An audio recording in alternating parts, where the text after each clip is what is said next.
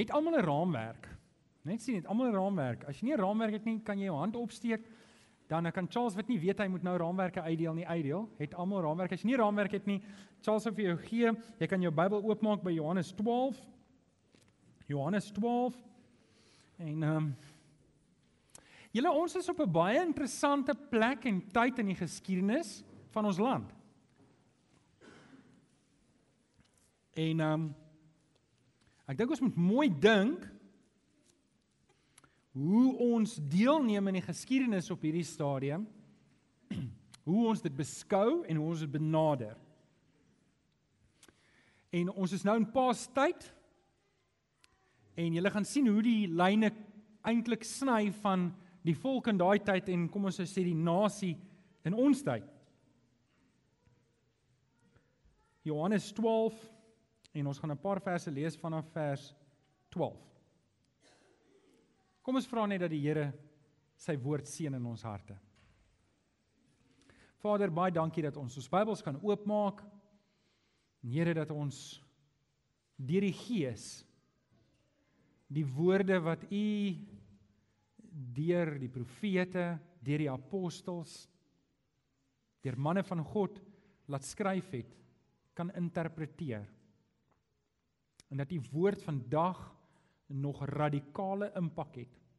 En Here, ons sien dit ook deurdat die Bybel is deur die eeue die boek wat die meeste gelees, gekoop, gesteel, gebrand, weggegooi Here op soveel vlakke weet ons dat hierdie is u woord. En wanneer ons dit oopmaak, nie net deur wat ons sien hoe mense daarop reageer nie, maar hoe dit ons eie lewens verander. En ons kom bid dat u deur die Gees, deur die woord ons aandag sal fokus op Christus en dat ons sal groei in u. Ons bid dit in Jesus naam. En die kinders van die Here sê Amen. Amen. Nou ons begin vandag met die Lydingsweek. Vir die van julle wat nie weet nie is dat dis vandag Palm Sondag. Ons gaan daaroor spesifiek gesels. En uh die van julle wat gedog het Sondag is die sewende week van die die sewende dag van die week. Dit is nie. Sondag is die eerste dag van die week. Um Saterdag is die sewende dag. En uh so net dat julle verstaan dat hierdie die nuwe week het vandag begin. En uh so hierdie ons ons is nou in Lydingsweek en ons gaan hierdie week daarop fokus. En hoekom ons daarop fokus is ek hoop en vertrou dat die Here vir my kan help, help as 'n instrument om jou te help om jou aandag om Paasnaweek net 'n bietjie uit te rek en dat wanneer ons Goeie Vrydag hier bymekaar kom, dat jy nie koud instap hier en by die nagmaaltafel kom aansit en net eers daar agterkom oor was Paasweek nie. Die rede hoekom ons leidings leidingsweek vier is om ons elke dag net 'n bietjie te herinner aan die evangelie, aan die kruis, aan die verlossingswerk, aan die opstanding, aan die oorwinning wat ons kry in die Here Jesus. So dis hoekom ek wil hê jy moet deelneem daaraan en ek wil jou mooi vra Ek wil jou 5 wenke gee. Dis nie op jou raamwerk nie, maar in daai blaadjie wil ek jou vra, skryf hierdie 5 wenke neer en gaan pas dit toe hierdie week by jou eie huis. Hier's 5 wenke om jou hart voor te berei vir Paasnaweek. Ons doen dit gewoonlik as gesin en ek wil jou uitdaag om dit ook as gesin te doen net om jou gedurig te herinner. Die eerste wenk wat ek jou wil gee om om Paasnaweek vir jou uit te rek vir die hele week is maak 'n doringkroon of 'n kruis en 'n kruis en sit dit iewers prominent op by jou huis dat jy gedurig kan herinner word. Sit dit iewers waar jy dalk by die voordeur inkom en jy daar's nie daar's nie enigiets meer as net simboliese waarde in die goed nie. Dit maak ons nie heiliger nie, dit beskerm ons nie. Dis net daar om ons te herinner ons is in Paasnaweek. Um steek kersse op as 'n simbool dat die Here lewe gee. Luister, ek weet dat iewers op 'n stadium lyk dit vir my die mense gedink die Katolieke het kersse gehijack. Maar julle Katolieke is nie Ehm um, die, die kerse behoort nie aan die Katolieke nie. Vra Eskom. OK? So steek 'n kers aan, dit herinner jou aan die lig in die donkerte. Um aan wat die Here Jesus vir ons gebring het. Wenk nommer 3 is maak 'n opoffering. Sny dalk iets uit jou dieet uit. Sny iets uit jou lewe uit of uit jou dagboek uit. Maak 'n doelbewuste besluit om dalk hierdie week nie sewende laan te gaan kyk nie. of om glad nie TV te kyk hierdie week nie of sny dalk koffie uit. Nou oom Doep. okay, ons sal dit nie ons sal dit nie afdwing hier by die kerk nie. Daar sal koffie wees Vrydagoggend, hoor. Um sny iets uit, chocolates dames. Sny die chocolates vir hierdie week uit.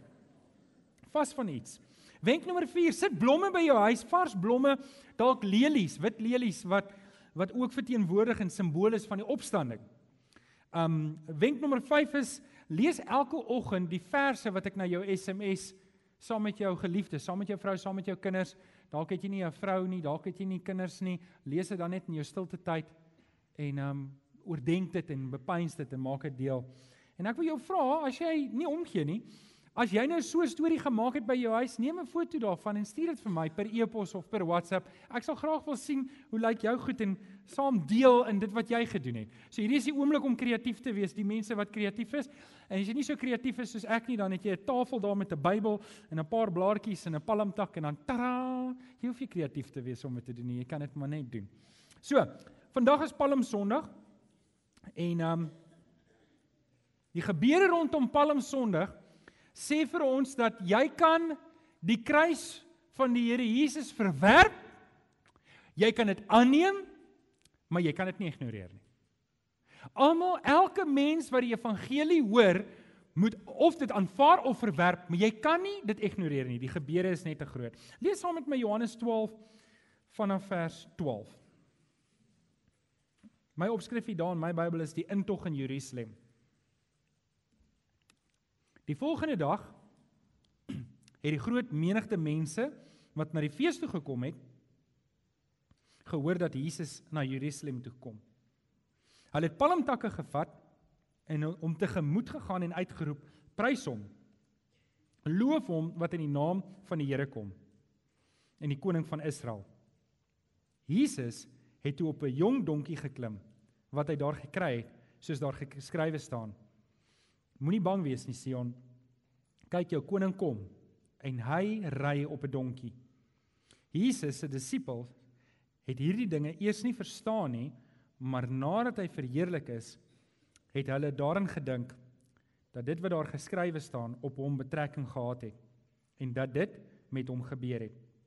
Die mense wat by Jesus was toe hy van verlaseres uit die graf geroep en hom uit die dood uit opgewek het, het gedurig daaroor gepraat. Daarom het die menigte vir Jesus tegemoet gegaan. Hulle het gehoor dat hy hierdie wonderteken gedoen het, wonderteken gedoen het. In vers 19 die Fariseërs het toe vir mekaar gesê: "Sien julle, hele rig niks uit nie. Kyk, die hele wêreld gaan agter hom aan." Julle moet maar verskoon, ek gaan gedurig water drink. Hier speel iets af. Net in die vorige hoofstuk lees ons dat Jesus vir Lazarus uit die dood uit opgewek het en dan gebeur iets.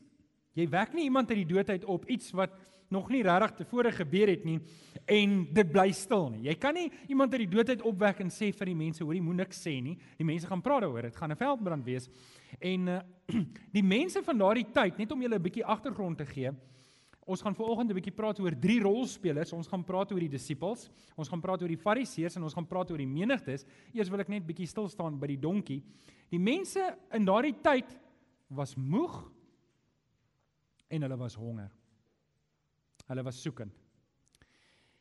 Kan ek net eers stil staan oor die donkie? Want in Sagaria 9 vers 9 lees ons hierdie woorde: Jubel Sion, juig Jerusalem, jou koning sal na jou toe kom. Hy is regverdig en hy's 'n oorwinnaar. Hy's nederig en hy ry op 'n donkie, op 'n hingsvul van 'n donkie. So hier's 'n rolspeler wat ons hiervan lees. Jesus kom Jerusalem in en kan ek net iets dit sê dat van alle diere is 'n donkie baie interessant. Behalwe dat dit die die profeet voorspel was, moet ons weet in Openbaring kom die Here Jesus op 'n wit perd. En 'n perd is 'n teken van oorlog. 'n Perd is 'n teken dat hier kom moeilikheid. En uh, die Here Jesus is 'n oorwinnaar en wanneer hy kom op die wit perd, dan moet ons weet hy kom om te verslaan, hy kom om te oordeel, hy kom om reg te stel wat verkeerd is. Maar hier kom die Here Jesus op 'n donkie wat iets baie definitief sê. Jesus kom nie om oorlog te voer nie. As jy wil oorlog voer en jy kom met 'n donkie, wil ek vir jou sê jy's in die moeilikheid. Die van julle wat donkies ken, ek kan onthou in Bloemfontein het ons Kersspel gehad. En die probleem van Kersspelle, die van julle wat betrokke is daarbey, elke jaar wil jy beter doen as die vorige jaar. Janine, Tanya, waar is julle? Karen. Ehm um, so elke jaar moet jy beter doen en dit is 'n uitdaging. In 1 jaar het ons lewendige diere gehad. Ons het lewendige hoenders gehad. Ehm um, ons het nie mooi dit deurdink voor die tyd nie want daar's baie logistieke uitdaging met die hoenders is okay behalwe vir die simpel haan wat die hele tyd kraai. Ehm um, het ons 'n bok gehad, 'n boerbok. En die bok het die kinders gestamp.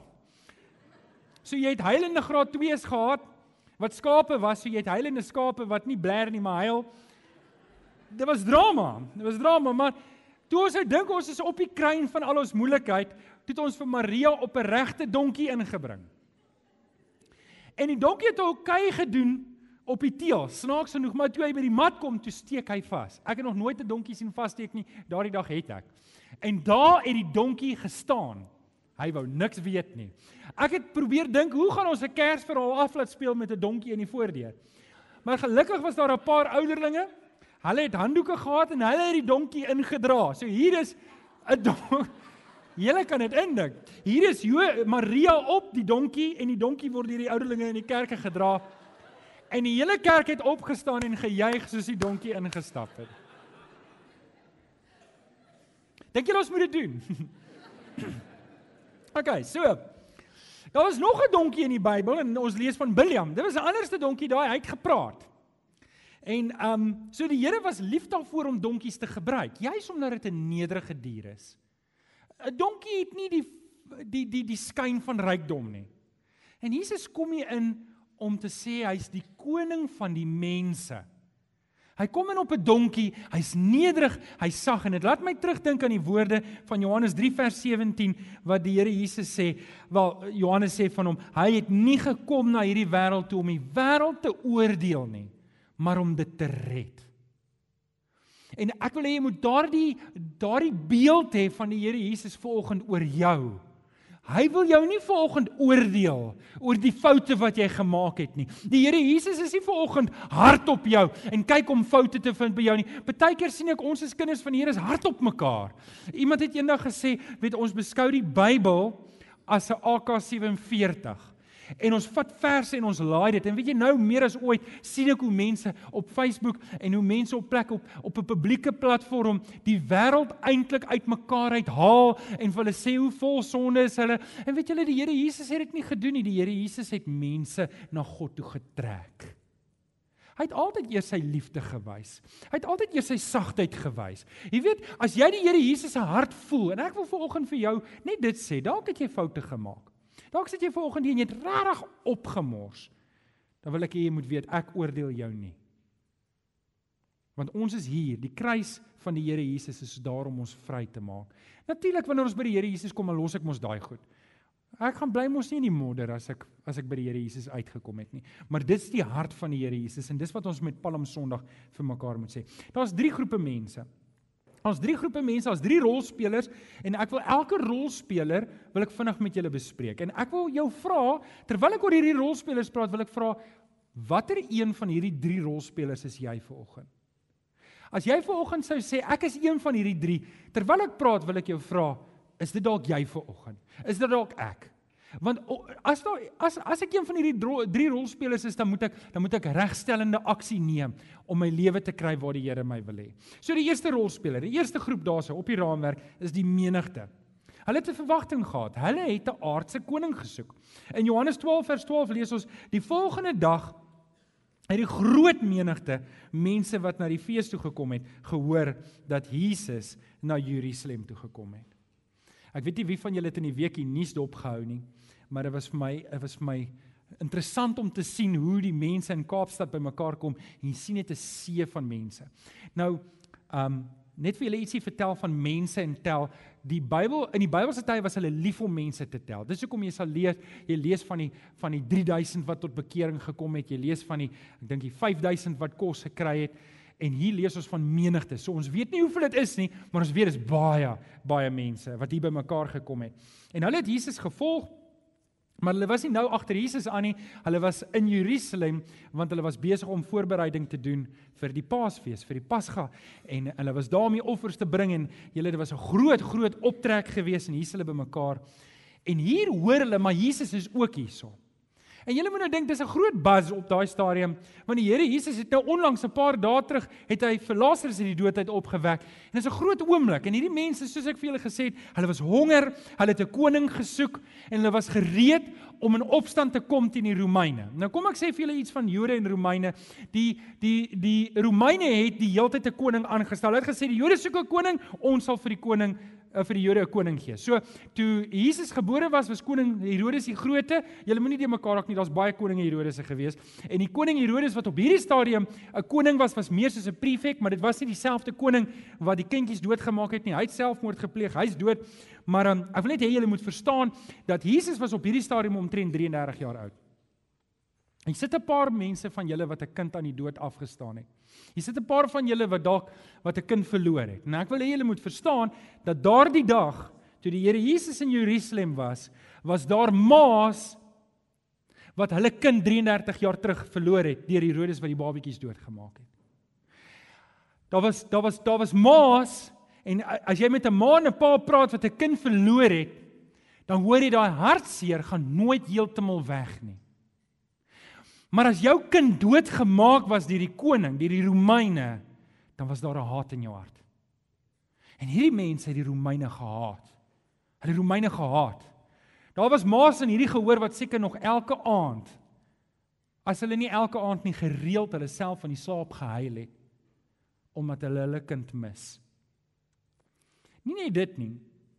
Hulle moes swaar belasting betaal. Julle dink ons betaal swaar belasting, hè? Hulle moes belasting betaal Al het hulle nie eens inkomste gekry nie. Julle sal nou Jesus het vir Petrus gestuur gaan vang 'n vis en toe is daar 'n munt in die vis se bek sodat hy sy belasting kan betaal. Jy moes belasting betaal het jy nie inkomste nie. Verbeel jouself, wie's werkloos en jy moet belasting betaal.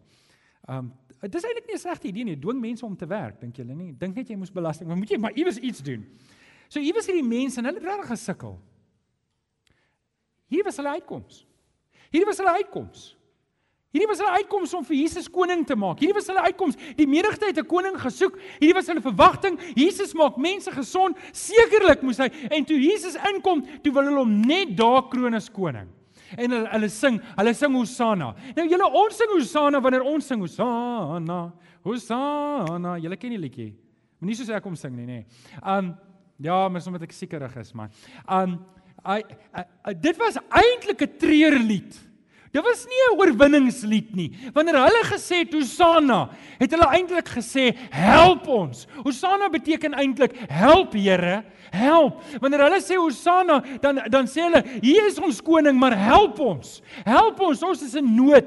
Ons kreun, ons sukkel, ons sug, ons is honger. Ons kom nie deur nie. Ons sukkel met hierdie, maar eintlik wat hulle hier soek, hulle soek nie die Here Jesus op 'n kruis nie.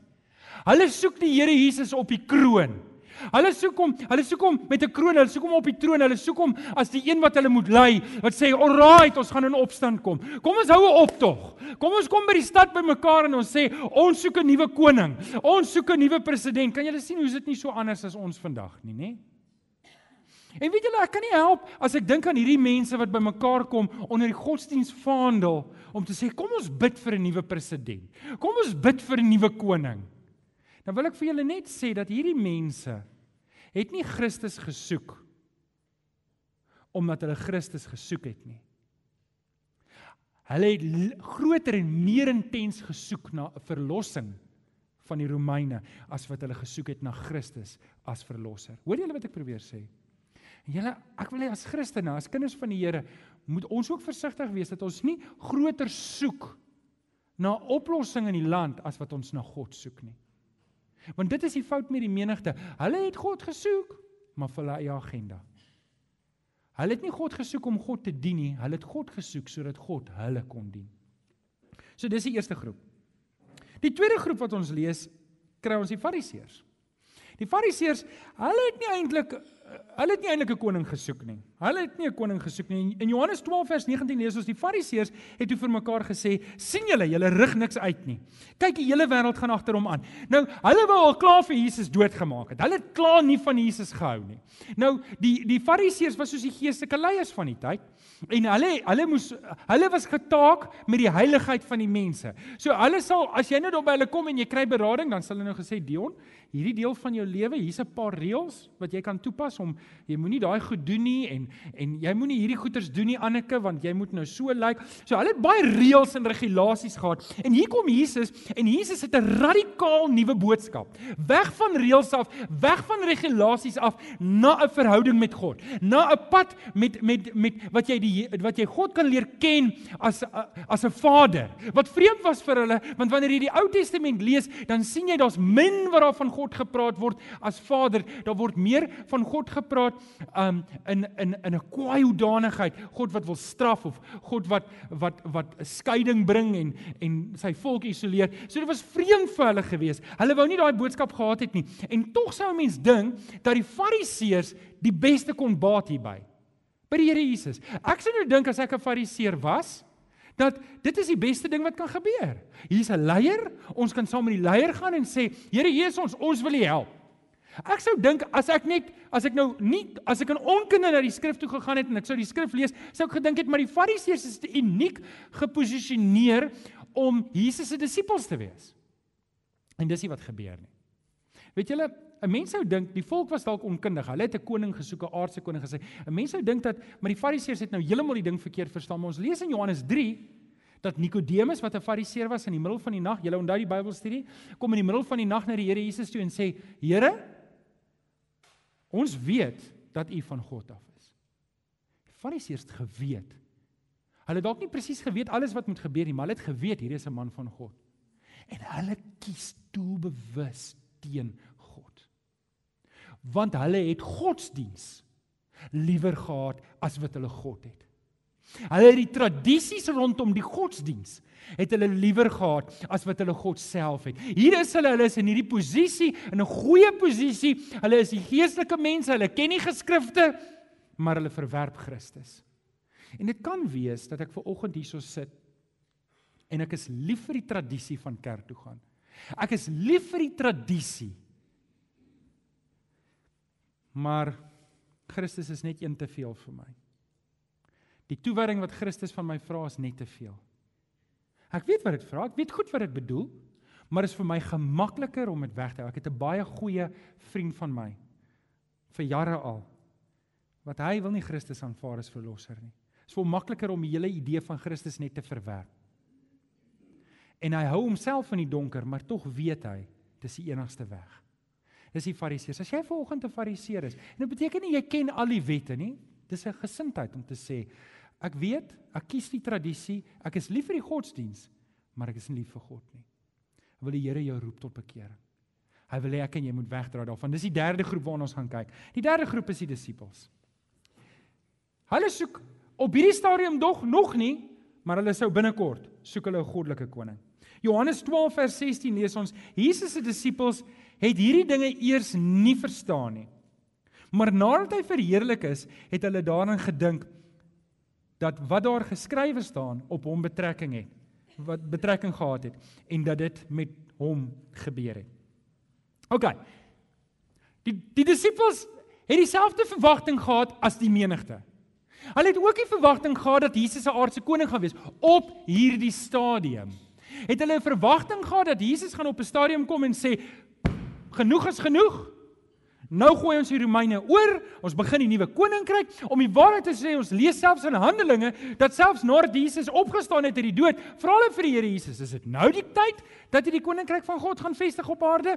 En so hulle hulle daai verwagting gehad tot op heel heel heel laaste voordat die Heilige Gees uitgestort is. En weet julle, daar's bemoediging daarin dat alhoewel die disippels nie alles verstaan het nie, lees ons en ons het dit gedoen in ons disippelskap toe die Here Jesus vir hulle die geleentheid gee in Johannes 6 vers 68 om te sê julle verstaan nou ek gaan doodgemaak word. Julle verstaan nou Jesus het vir hulle prontuit gesê ek het nie die idee om koning te word in hierdie aarde nie. Toe gaan al die mense mos weg. En wat sê die wat sê Jesus toe vir sy disippels? Wil julle nie weggaan nie? En hy sê Here, waarheen sal ons gaan? U die woorde wat die lewe gee. Nou hier's bemoediging.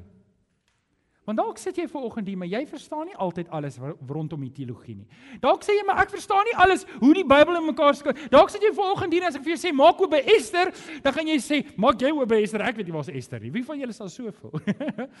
en en en jy en jy, jy verstaan, maar een ding weet jy. Jy's lief vir die Here Jesus. Jy soek die Here Jesus in jou lewe. Jy ken dalk nie teologie nie en jy verstaan dalk nie Grieks en Hebreëus nie. As ek vir jou sê Grieks, dan sê jy nie weet of dit Nuwe of Ou Testament is nie. As ek vir jou sê Latyns, dan sê jy ook nie weet wat ek daarmee bedoel nie. Maar jy weet een ding en dit is jy's lief vir die Here. Dan wil ek vir jou sê jy's op 'n goeie plek want jy's in die derde groep. Jy hoef nie alles te weet om die Here te dien nie. Amen. En vanoggend wil ek julle terugvat na die donkie toe. Hier is die Here Jesus wat inkom. Dis sy laaste week op aarde. Dis sy laaste week voor sy kruisiging. En ek wil hê jy moet saam met my die pad stap hierdie week. Maar terwyl ons hierdie week stap, ek ek wil net vir julle drie huisies wys. Die eerste huisie, hier's drie groepe mense vanoggend hierso. My vrou en my dogtertjie het die prentjies geteken. Is dit nie oulik nie? Dit kan wees vir oggend dat jy hierso is en jy's die eerste huisie. En ek wil jou vra, jy moet 'n evaluasie doen. Watter een van hierdie drie huisies is jy onder op jou raamwerk? Jy sit op die troon van jou eie lewe. Jy's die koning van jou eie lewe. Dit was die Fariseërs. Die kruis was heeltemal buitekant. Ja, ek hou van kerk toe gaan. Ja, ek hou van die dinge van die Here. Maar ek wil nie eintlik myself te vereenselwig daarmee nie. Die kruis is buitekant. Ek wil vir jou vanoggend vra, as die kruis vanoggend aan die buitekant van jou lewe is, as die Here Jesus nie op die troon sit in jou lewe nie, dan moet ek 'n oorgawe maak aan hom. Die tweede ene. Dit kan wees dat jy ver oggend hier sit en die kruis is in jou lewe. Jy het iewers 'n oorgawe gemaak aan die Here Jesus. Maar jy's nog steeds die koning in jou eie lewe. Jy het nog steeds nie elke deel van jou lewe oorgegee nie. Jy sit nog steeds en en en jy lewe maar nog steeds vir my wanneer ek vir myself lewe en wanneer ek sê ek rig my lewe, ek gaan hemel toe eendag oor 30 of 40 of 50 jaar as die Here my spaar gaan ek hemel toe, maar so ek gaan die beste maak van hierdie lewe vir myself. Ek lewe nie vir die Here nie, dan sit ek. Ek gaan kerk toe en ek sing die liedere saam en ek hou selfs 'n paar keer Bybelstudie, maar wanneer dit kom by die besluite van my lewe, dan dan's die Here Jesus nie sentraal nie, maar ek self. As dit die geval is, dan moet ek jou dieselfde uitdaging gee om te sê, maak die Here Jesus die koning. Hy kom ver oggend in op 'n donkie in ons lewens en hy's nederig. Hy wil regmaak. Hy het 'n boodskap van vrede. Johannes 3 vers 17. Ek kom nie om te oordeel nie, ek kom om te red wat verlore is. Want dit bring ons by die derde huisie. En dit is dat die Here Jesus is die koning in my lewe. Ek wil afsluit met hierdie gedagte. Terwyl terwyl jy daar kyk na jou raamwerk, wil ek jou mooi vra in jou eie lewe. Wil jy 'n merkie maak by die een waar jy nou is? Weet julle die Here Jesus kom in 'n donkie in. Daar kom 'n dag wat hy met 'n perd gaan inkom. Daar kom 'n dag wat hy gaan kom met 'n perd. En dan dan is die die kans om te kies nie, tyd vir keuse is dan verby. Ek moet my keuses nou maak in die Here Jesus. Ek moet nou kies om hom die koning van my lewe te maak. Ek wil jou vra terwyl ons hierdie week deurgaan en jy kry die SMS'e en jy kry die leeswerk, wil ek jou uitdaag. Maak die Here Jesus die koning van jou lewe. Is die kruis aan die buitekant van jou lewe? Is die kruis dalk aan die binnekant? Maar jy sit nog steeds op die troon? Of is die Here Jesus koning in jou lewe? Ek wil vir jou bid. Kom ons bid saam. Vader, dankie dat ek ver oggend net weer 'n inleiding kan doen tot die evangelie. Miskien is dit die is dit is dit 'n is dit maar 'n gebrekkige poging, Here, om om na u woord toe te gaan en en maar Here, ek ek dink ook as u iets so nederig soos 'n donkie kan gebruik, Here, dan kan u nederige mense ook gebruik. En dit sien ons, u doen dit. En Here, waar ons dalk te ver te kort skiet, wil ek vra Vader dat u in ons harte sal werk. Here, dat as as die Here Jesus heeltemal buite ons lewe staan dat dit ons sal kom pla Here Dat dit my sal pla dat ek nie die Here Jesus dien nie. Dat ek U nie dien nie.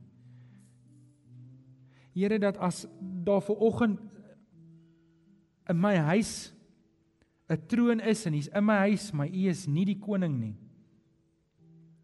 Ek vra Here dat U dit in ons harte so sal bewerk dat dit ons sal pla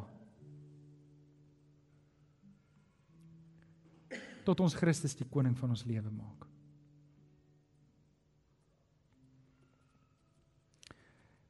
Ek weet nie waar jy ver oggend is nie, maar dit is vir my belangrik dalk weet jy jy's een van die eerste twee huisies.